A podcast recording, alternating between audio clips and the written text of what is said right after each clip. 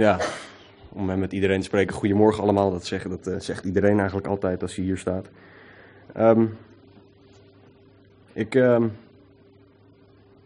ja, ik ga een gedeelte met u behandelen vanuit Hebreeën. Sten zei vorige week dat ik eh, verder gaan naar Matthäus. Niet allemaal waar, eigenlijk helemaal niet. En ehm, ja, ik had het gevoel dat God echt tegen mij zei dat ik eh, iets moest delen uit Hebreeën. En het is een hele rare week geweest. Heel veel strijd, heel veel problemen bij mij en dingen die, waar ik tegenaan liep en moeilijkheden. Maar ik wil het toch gewoon gaan doen. Eigenlijk gisteren was ik echt zo ziek als een hondje. Vrijdag allemaal. Maar hier sta ik en dat is alleen door de genade van God dat ik hier kan en mag staan. Ehm, over staan gesproken. Zullen wij met z'n allen gaan staan als ik het uh, gedeelte uit uh, de Bijbel lees? Dat vind ik wel een mooi, uh, mooi iets om te doen. Daarna mogen jullie wel weer gaan zitten, maak je geen zorgen. Alleen als het kan natuurlijk. Je mag ook blijven zitten als het... en dan blijven jullie zitten. Sorry, we kunnen nog knippen. Hebreeën 4 vers 1 tot en met 13. Hebreeën 4 vers 1. Laten wij er dan beducht voor zijn dat iemand van u ooit schijnt achter te blijven, terwijl de belofte om in zijn rust binnen te gaan nog van kracht is. Want ook aan ons is het evangelie verkondigd, evenals aan hen. Maar het gepredikte woord bracht hun geen voordeel, omdat het niet met geloof gepaard ging bij hen die het hoorden. Wij die tot geloof gekomen zijn, gaan immers de rust binnen. Zoals hij gezegd heeft, daarom heb ik in mijn toorn gezworen, mijn rust zullen zij niet binnengaan. En dat terwijl zijn werken al sinds de grondlegging van de wereld voltooid zijn. Want hij heeft ergens over de zevende dag als volgt gesproken. En God heeft op de zevende dag van al zijn werken gerust. En op deze dag opnieuw, zij zullen mijn, plaats, uh, zij zullen mijn rust niet binnengaan. Omdat dus het feit blijft dat sommigen deze rust binnengaan, en dat zij aan, aan wie het evangelie eerst verkondigd was, niet binnengegaan zijn vanwege hun ongehoorzaamheid, bepaalt hij opnieuw een zekere dag, namelijk heden, wanneer hij zo lange tijd daarna door David zegt, zoals, eerder, zoals al eerder gezegd is, heden als u zijn stem hoort, verhard dan uw hart niet. Want als Jozua hen al in de rust gebracht had, zou God daarna niet gesproken hebben over een andere dag.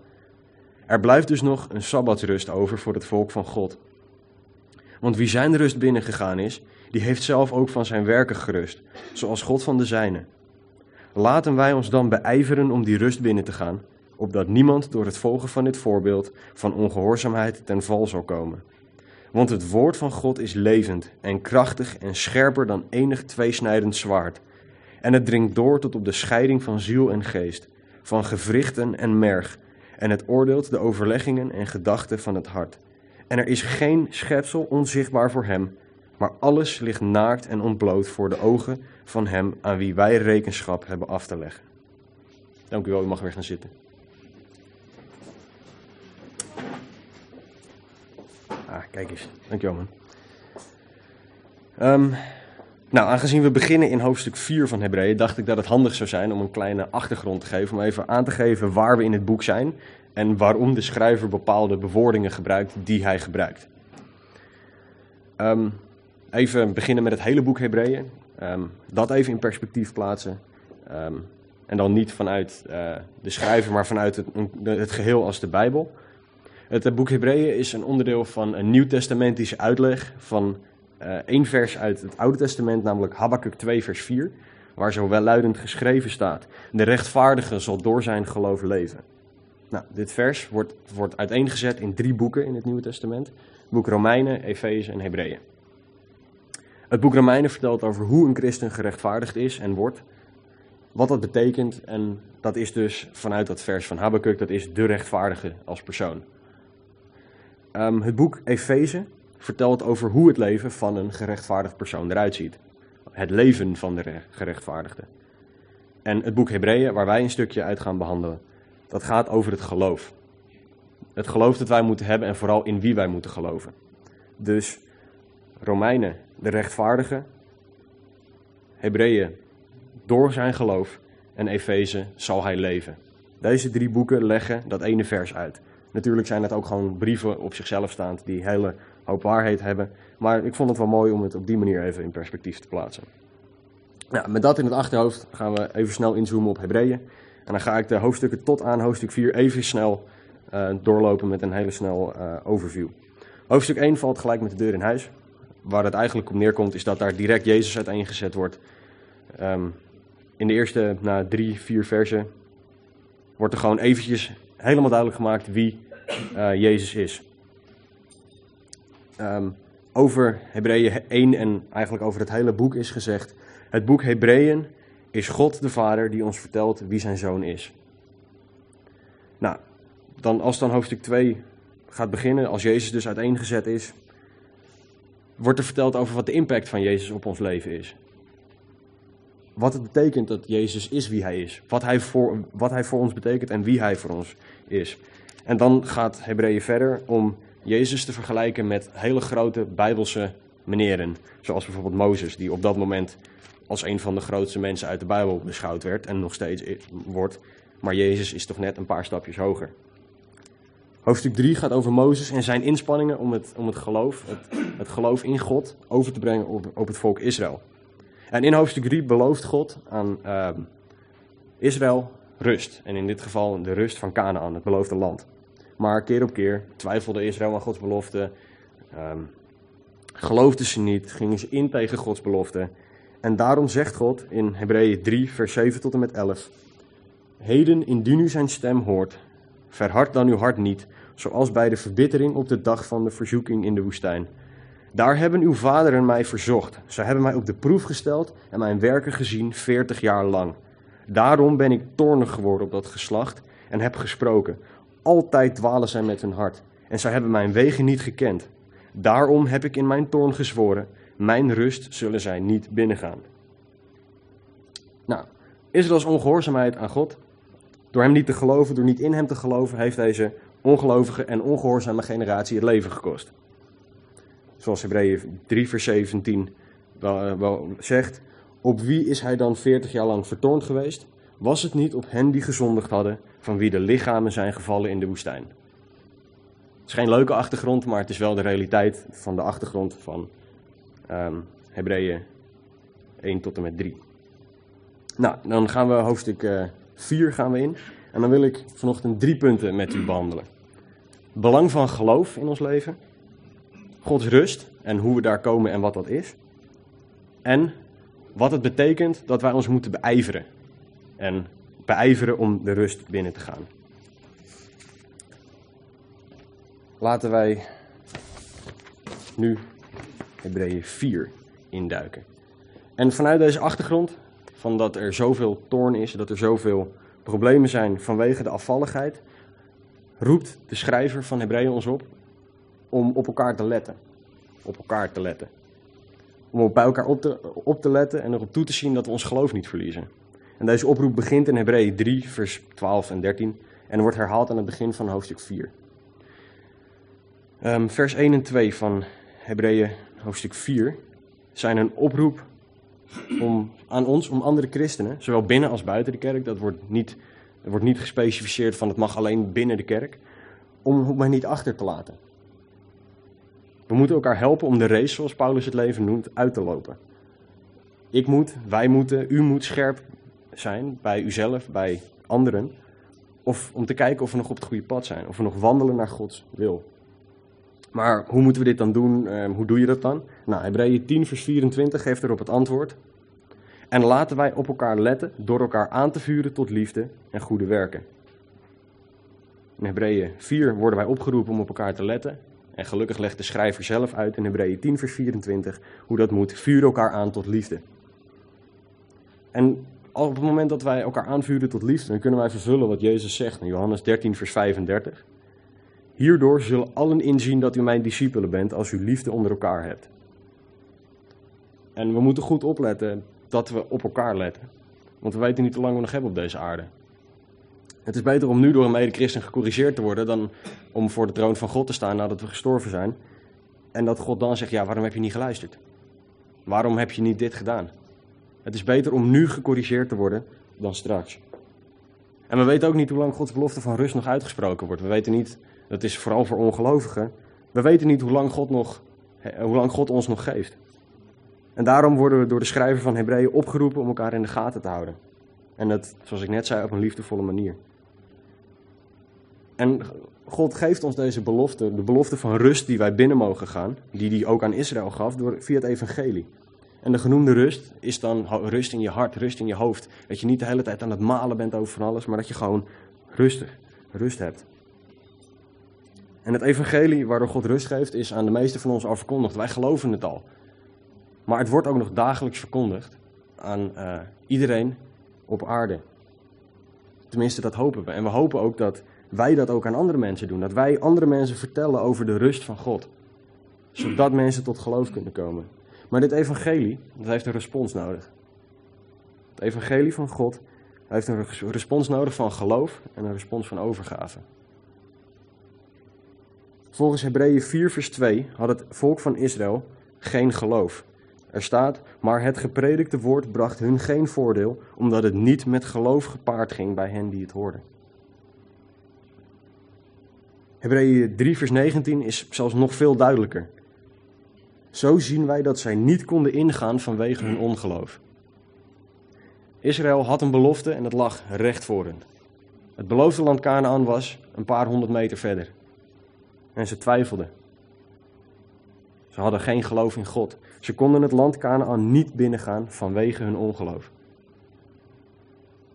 Dus we moeten God geloven om, om überhaupt de rust binnen te kunnen gaan. En daarnaast moeten we ons overgeven aan God. Want God belooft dat als wij naar Hem toe komen, dat we zijn rust krijgen. En om bij God te komen, moeten we onszelf afleggen, want wij zijn zonde en God kan geen zonde bij zich hebben. Jezus zegt in Matthäus 11, vers 28 tot en met 30. Kom naar mij toe, allen die vermoeid en belast eh, zijn, en ik zal u rust geven. Neem mijn juk op u en leer van mij dat ik zachtmoedig ben en nederig van hart. En u zult rust vinden voor uw ziel, want mijn juk is zacht en mijn last is licht. We moeten eerst in zijn aanwezigheid zijn voordat we die rust kunnen ervaren. Vers 3 eh, tot en met 5. Wij die tot geloof gekomen zijn, gaan immers de rust binnen, zoals hij gezegd heeft. Daarom heb ik in mijn toorn gezworen, mijn rust zullen zij niet binnengaan. En dat terwijl zijn werken al sinds de grondlegging van de wereld voltooid zijn. Want hij, God, heeft ergens over de zevende dag als, volk, als volgt gesproken.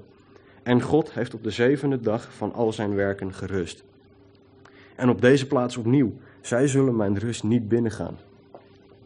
Nou, in vers 3 wordt er een heel erg schril contrast weergegeven. Het contrast kon niet groter zijn. Het is geloof en ongeloof. Het aannemen van God als verlosser en Heer en het afwijzen van God als verlosser en Heer. Geloof brengt rust, ongeloof brengt Gods toorn. En in Gods toorn zal er nooit rust zijn. Nooit van je lang zal ze leven. Maar ik wil even focussen op Gods rust. Laten we kijken wat het inhoudt. Nou, ik haalde al even Matthäus 11, vers 28 tot en met 30 aan. Gods rust wordt omschreven als een lichte last en een zacht juk. Het is een aangename plek om te zijn. Het is, het is, het is fijn om er te zijn. En tegenwoordig kan er van alles op ons drukken. Voor mij is dat veel school. Voor mij is dat, ja, ik kan het zo gek niet bedenken of het kan wel op ons drukken. Maar dat kunnen omstandigheden zijn, mensen, um, geld, wat dan ook. Maar in Gods rust zal dit alles vervagen. In zijn rust kunnen we alles bij zijn voeten achterlaten. En kunnen we met frisse moed verder gaan. Zoals Jesaja 40 vers 31 zegt. Wie de Heere verwachten zullen hun kracht vernieuwen. Zij zullen hun vleugels uitslaan als arenden. Zij zullen snel lopen en niet afgemat worden. Zij zullen lopen en niet moe worden. In Gods rust zal dat een waarheid zijn. En even een beetje een technische achtergrond van het woord rust. Het is Grieks woord en dat heet katapauo, zoiets. Letterlijke vertaling daarvan is veel belangrijker. Die zegt de hemelse zegening waarin God is. Dat is toch geweldig. De hemelse zegening waarin God is en daar mogen wij zijn. Deze rust, lichte last, hemelse zegening, hoe je het ook wil omschrijven, is voor hen die in Hem geloven. Voor hen die in God zijn. En het in vers 3 geschetste contrast wordt verder benadrukt in, vers, in de versen 4 en 5. In vers 4 geeft God het voorbeeld dat wij mogen volgen. Vers 5 geeft het tegenovergestelde aan. God rustte in vers 4. Er staat, en God heeft op de zevende dag van al zijn werken gerust. God nam de tijd voor rust. Zoals de definitie van het woord rust aangaf, mogen wij rusten in zijn aanwezigheid. God rust en daar mogen wij bij zijn, in zijn aanwezigheid. En ik, ik weet niet hoe het met u zit, maar ik kan geen betere plek bedenken dan Gods aanwezigheid om in te rusten. Mensen gaan naar Hawaii om uit te rusten. Mensen gaan naar Amerika om uit te rusten. Niks te nadelen van Amerika. Mensen gaan, noem het maar op. Maar ik ben het liefst, ik neem het liefst een, een, een, enkeltje naar Gods aanwezigheid als het kan. En het, vers 5 schetst dan weer het ongelooflijk grote verschil tussen Gods rust, waar we kunnen en mogen zijn en er mogen van genieten. En dan is vers 5 daar. Zij zullen mijn rust niet binnengaan. Het niet binnengaan van de rust van God. In de plaats van Gods liefde is er Gods toorn voor deze mensen. En dit is de consequentie van het ongeloof van Israël. En dit zal de consequentie zijn voor de mensen die God niet accepteren als verlosser en heer van hun leven. Nogmaals Hebreeën 3 vers 19 te citeren. Zo zien wij dat zij niet konden ingaan vanwege hun ongeloof. En mensen, ik weet het, het is geen laten we allemaal ons goed voelen boodschap. Het is, het is, het is niet leuk om te horen. Maar het moet ons aansporen om mensen te vertellen over wie God is. Het moet ons aansporen om mensen te overtuigen dat God waar is. Om mensen voor te stellen aan God. Maar dit is, dit is, dit is een realiteit van wie God is. God wordt vaak voorgesteld als, even heel oneerbiedig, als een soort hele grote teddybeer. Daar mogen we tegenaan rennen en die is lekker zacht en die is altijd lief. En God ziet alle zonden door de vingers en het, het komt allemaal van goed, want God is liefde. En alle wegen leiden naar Rome en dan wordt Rome nu even met God, bedoel ik God. Maar dat is niet zo. God wordt in Hebreeën 12 de rechter over allen genoemd. Dat is een eigenschap van wie God is. God zal iedereen oordelen naar zijn of haar handelingen. En als wij onze handelingen niet stroken, niet overeenkomen met Gods woord, hebben we een probleem. Gelukkig is God niet alleen een rechter. God heeft ook een karaktereigenschap die het vaakst benadrukt wordt. Gods genade. En die is geweldig, die is ongelooflijk en oneindig. En gelukkig schetst Hebreeën een volledig beeld van wie God is. Naast zijn toorn is er ook zijn genade. En die genade wordt benadrukt in de versen 6 en 7 van Hebreeën 4. Laten we die lezen. Omdat dus het feit blijft dat sommigen, en dat zijn wij, deze rust binnengaan, en dat zij aan wie het evangelie verkondigd was, Israël, niet binnengegaan zijn vanwege hun ongehoorzaamheid, bepaalt Hij, God, opnieuw een zekere dag, namelijk heden, wanneer Hij, God, zo lange tijd daarna door David zegt, zoals al eerder gezegd is, heden als u zijn stem hoort, verhard dan uw hart niet.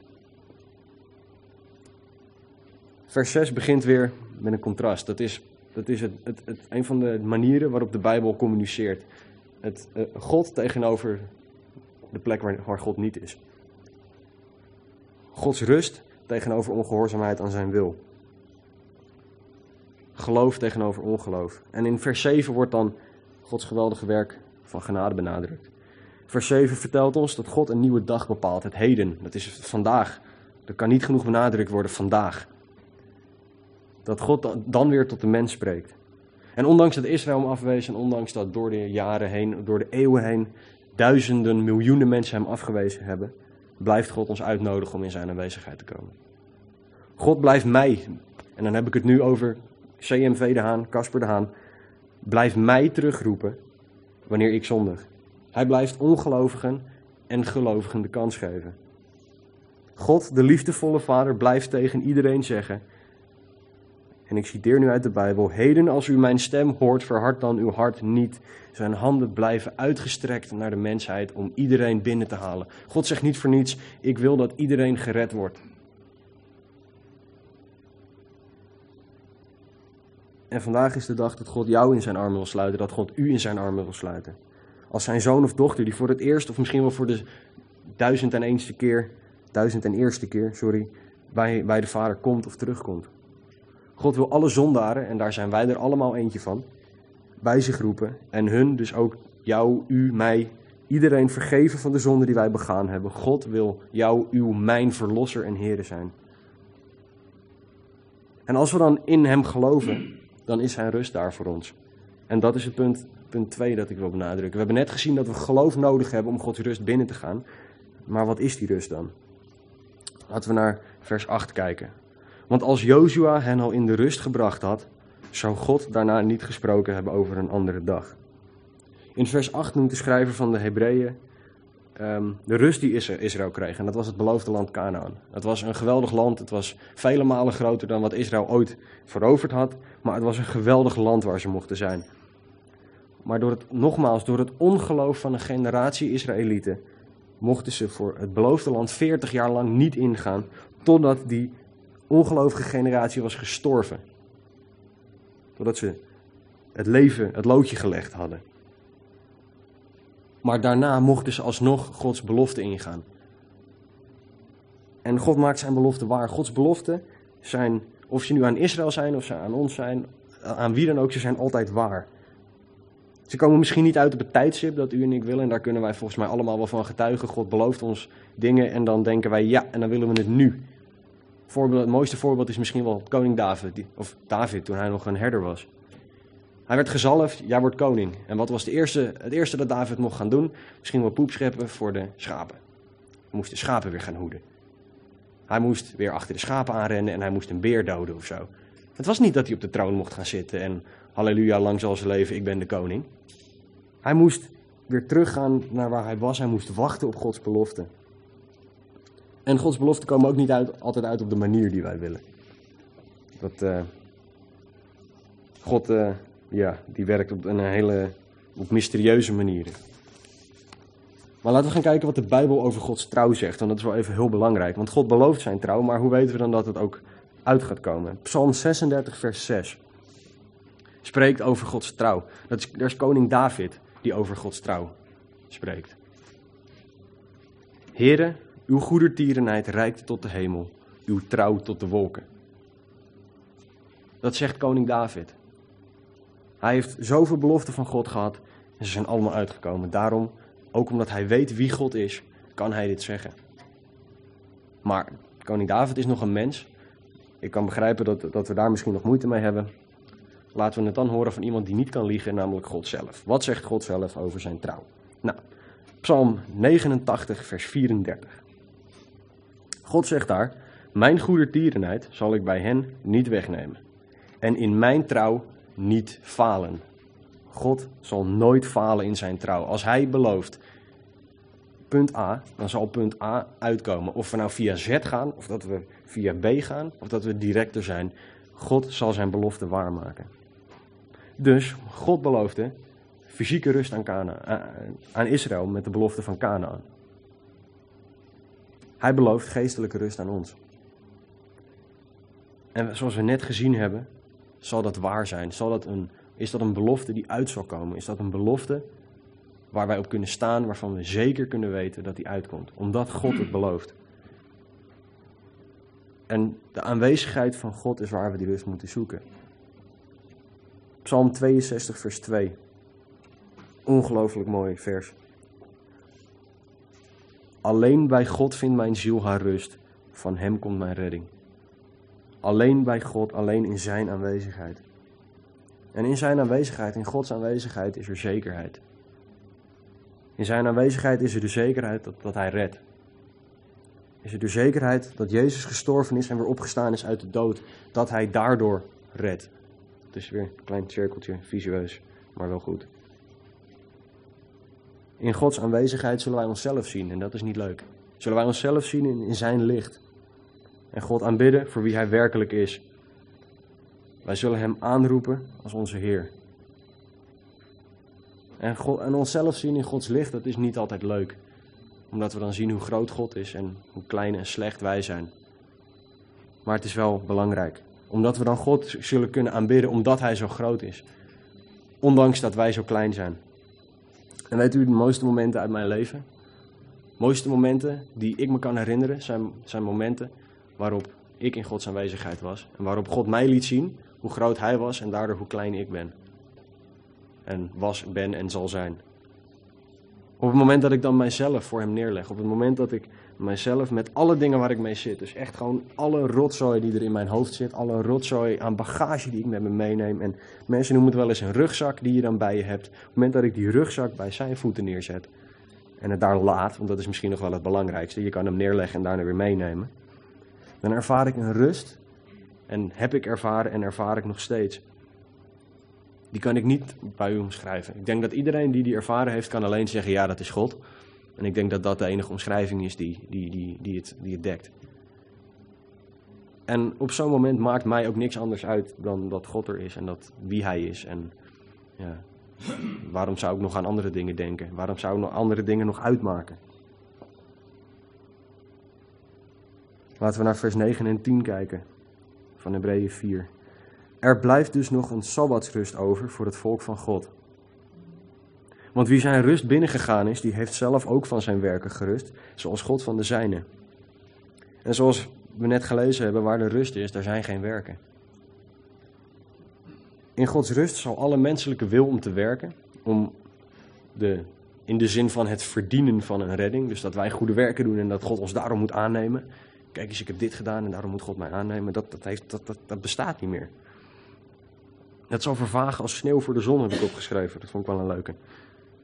En in Gods aanwezigheid moeten we stoppen met werken. En ik begreep de vers in eerste instantie niet zo goed, want ja, hoe zit dat dan? En nou, toen werd het mij wat duidelijker, maar toen las ik een, een citaat van David Guzik. En toen werd het mij, dat vond ik heel erg treffend.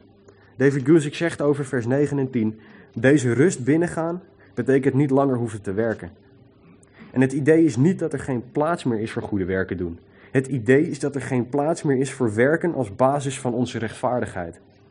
God rustte van zijn werken op de eerste sabbat in Genesis 2, vers 2, omdat het werk klaar was. En wij kunnen stoppen, en wij stoppen met zelfrechtvaardigende werken, omdat het werk gedaan is door Jezus Christus aan het kruis. Nou, heel veel duidelijker kan het niet worden volgens mij. Jezus plaatsvervangende offer aan het kruis. Zijn bereidwilligheid om mijn, jou en uw zonde op zich te nemen. En dat zorgt ervoor dat wij niks anders hoeven te doen dan zijn offer aannemen. Alleen dat zorgt daarvoor. En dit is al het werk dat onze rechtvaardiging van ons vereist, namelijk God aannemen en Hem volgen. Wij hoeven niet het te verdienen, want dan kan, je, kan, kan ik zeggen, kan je nu stoppen. Het lukt niet. Maar ja, ik heb dus nu een heel leuk verhaal opgehangen en ik heb een hele hoop dingen verteld.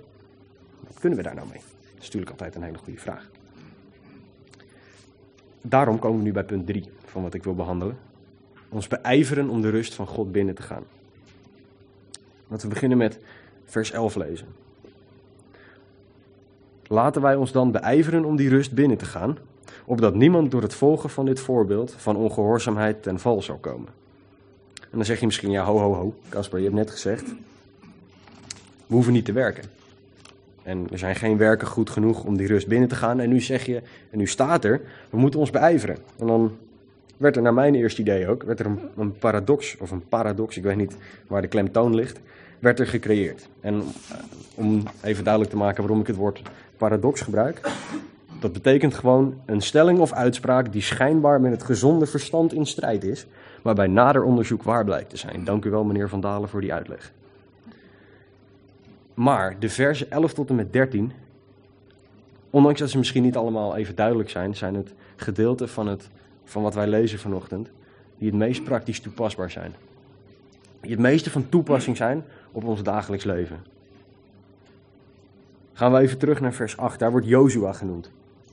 Want ik, ik ga u uitleggen waarom, hoe we dit praktisch kunnen toepassen en waarom het geen, geen paradox is. Daar kom ik zo nog op terug.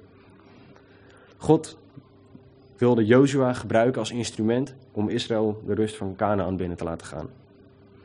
En nou, Jozua, die was, zoals de meesten van ons wel weten, was de, de rechterhand van, van Mozes. Maar toen kwam de tijd dat Jozua aan de slag mocht gaan. En wat was het allereerste dat, dat God tegen Jozua zei toen de tijd daar was dat Jozua Israël mocht gaan leiden? Moeten we naar Jozua 1 vers 2. Ik zal het voorlezen, dus je hoeft het niet op te zoeken. Daar staat, mijn dienaar Mozes is gestorven. Nou, dan weten we de situatie. Dat is wat er aan de hand is. En dan wat God dus zegt. Nu dan, sta op. Steek deze Jordaan over, u en heel dit volk, naar het land dat ik aan hen, de Israëlieten, ga geven. Nu dan, sta op. Gods belofte lag recht voor hun neus. Steek de Jordaan over. Dus ze lagen gewoon aan de Jordaan met het volk van 1,2 miljoen. Sta op, steek de Jordaan over. Ze moesten Gods belofte moesten ze pakken. Ze moesten er naartoe. Het was een actie. Jozua moest opstaan, actie ondernemen en dan konden ze de rust van God binnengaan. En zo is het ook met ons.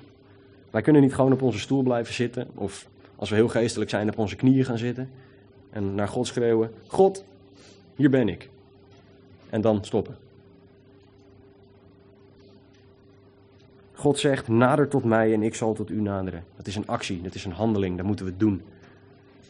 Wij moeten, en ik moet, wij moeten ons beijveren om de rust van God binnen te gaan. En zelfs niet zomaar beijveren, maar ons uiterste best doen. Dat is wat het woord beijveren betekent. Ziet u nu de paradox die ik nog steeds een beetje aan het schetsen ben? Nou, zoals we eerder in Hebreeën gezien hebben, moeten we geloof hebben om de rust van God binnen te gaan. En we moeten ons nu beijveren in dat geloven. Want we moeten ons beijveren om de rust binnen te gaan en daar hebben we geloof voor nodig. Die twee gecombineerd is beijveren in geloof. Wat betekent dat? Nou, goede vraag, Casper. Ik ben blij dat jullie die vraag stellen. Een van de belangrijkste dingen van het beijveren van het geloof is volharden. God belooft ons heel veel, echt waar. De Bijbel staat vol met beloftes van God. Maar we moeten ook door moeilijke tijden heen gaan. Dat is gewoon een, dat is gewoon een feit. Iedereen die u iets anders voorhoudt, die mag u gelijk de af laten, af laten gaan. Dat is gewoon zo. En geloof, geloof jij, gelooft u, geloof ik op dat moment nog, nog steeds dat Gods beloften waar zijn, dat God trouw is. Want op zo'n moment zal Satan gaan knagen en zal ons geweten zal gaan knagen. En zal, zullen onze gedachten tegen ons gaan spreken. Nou, weet je wel zeker dat God de waarheid spreekt?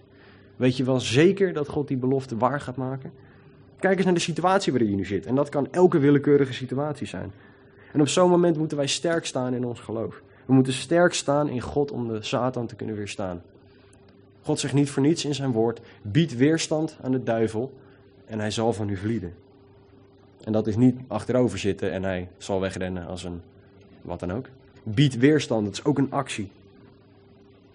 Nog iets waar, waarin wij uh, ons kunnen beijveren is Hebreeën 12 vers 4. En dat is een hele leuke. Hebreeën 12 vers 4 zegt, u hebt nog niet tot bloedens toe weerstand geboden in uw strijd tegen de zonde. Nou, veel succes. Tot bloedens toe weerstand bieden. Voor mezelf. Ik moet bekennen, ik doe dat niet zo vaak.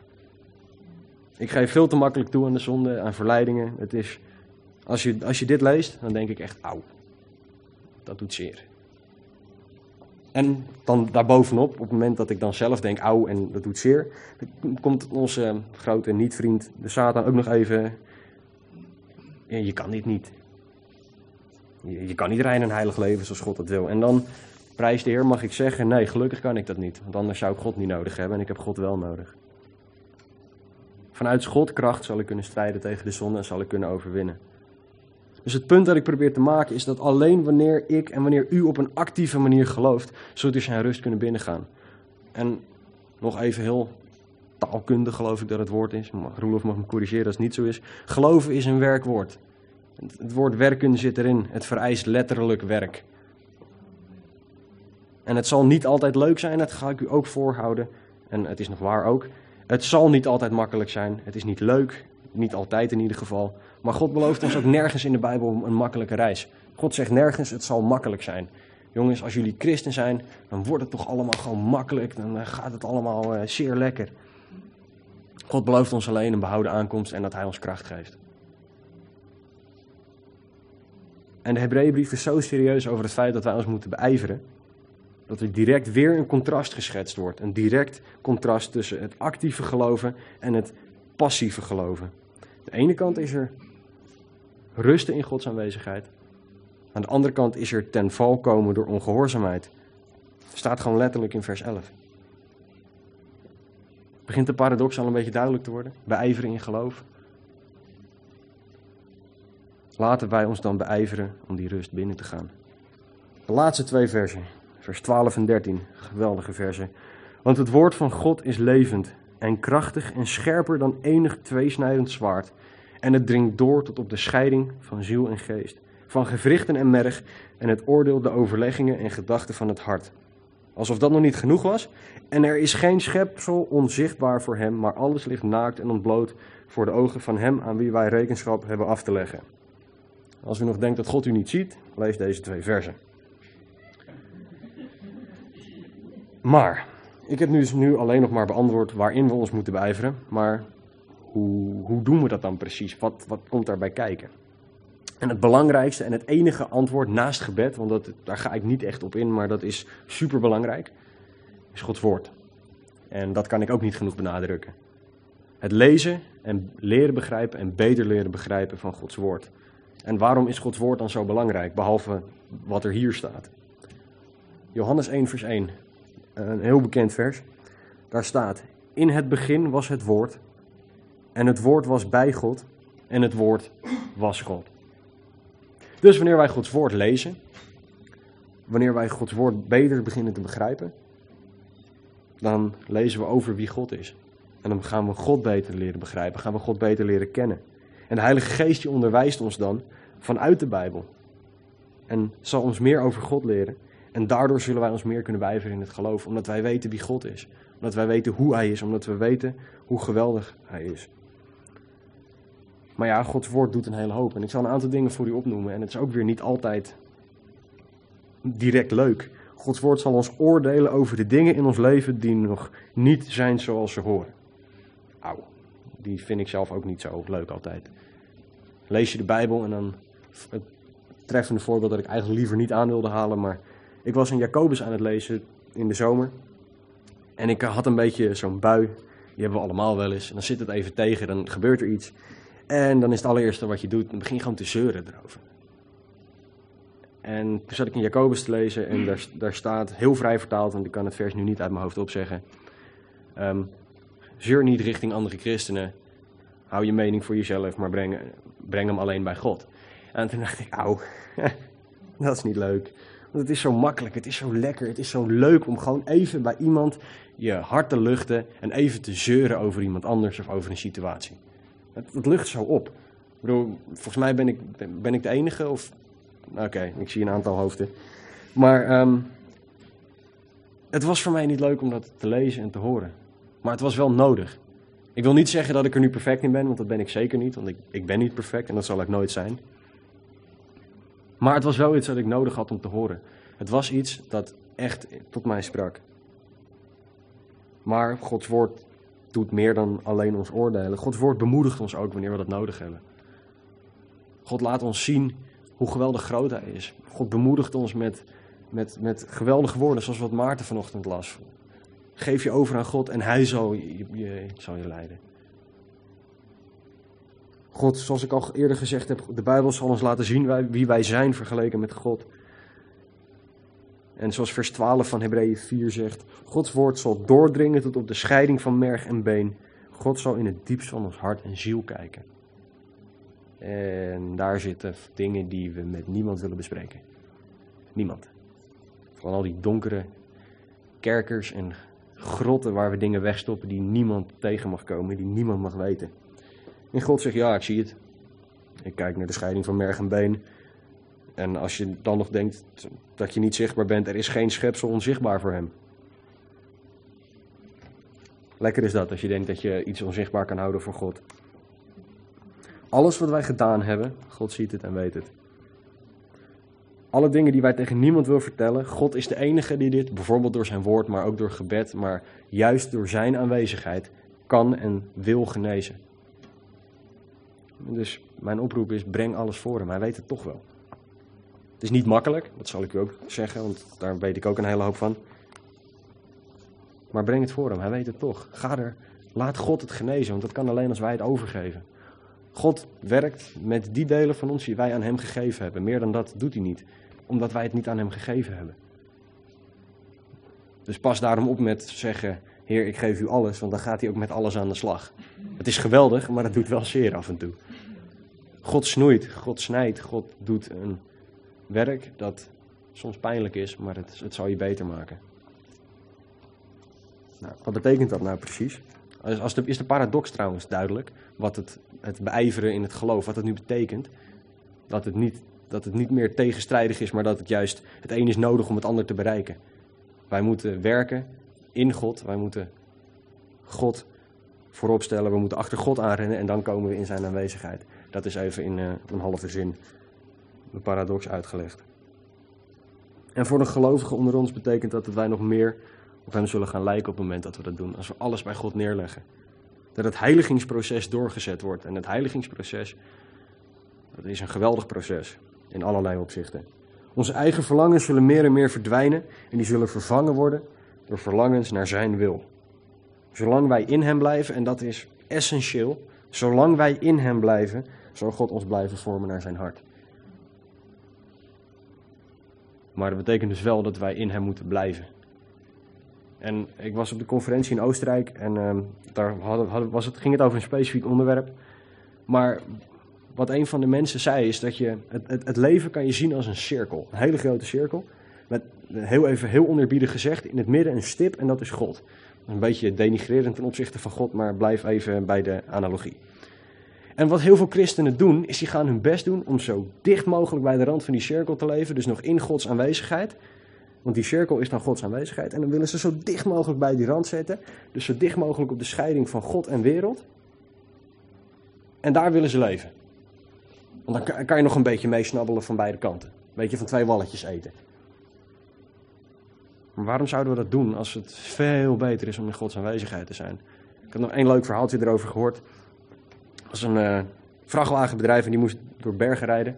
Een heel kort verhaaltje, maar dat, het maakt het punt wel duidelijk. En er kwamen drie mensen kwamen er op sollicitatiegesprek voor een uh, baan waarbij ze dwars door die bergen heen moesten rijden. Wel overwegen natuurlijk. En een, die eerste kwam binnen en die zegt, ik kan tot twee centimeter van de rand rijden. En ik, dan kan ik die vrachtwagen nog onder controle houden. Zo zegt die baas, nou dat is goed man, dat uh, doe ik je niet na. Nou, het gesprek ging verder, oké, okay, komt de volgende. Nou, hoe dicht kan jij bij die rand rijden, vroeg die baas. Want die denkt, ja, die vorige zei twee centimeter. Dus die, die, die tweede persoon die zegt, ik kan tot een halve centimeter van die rand kan ik komen.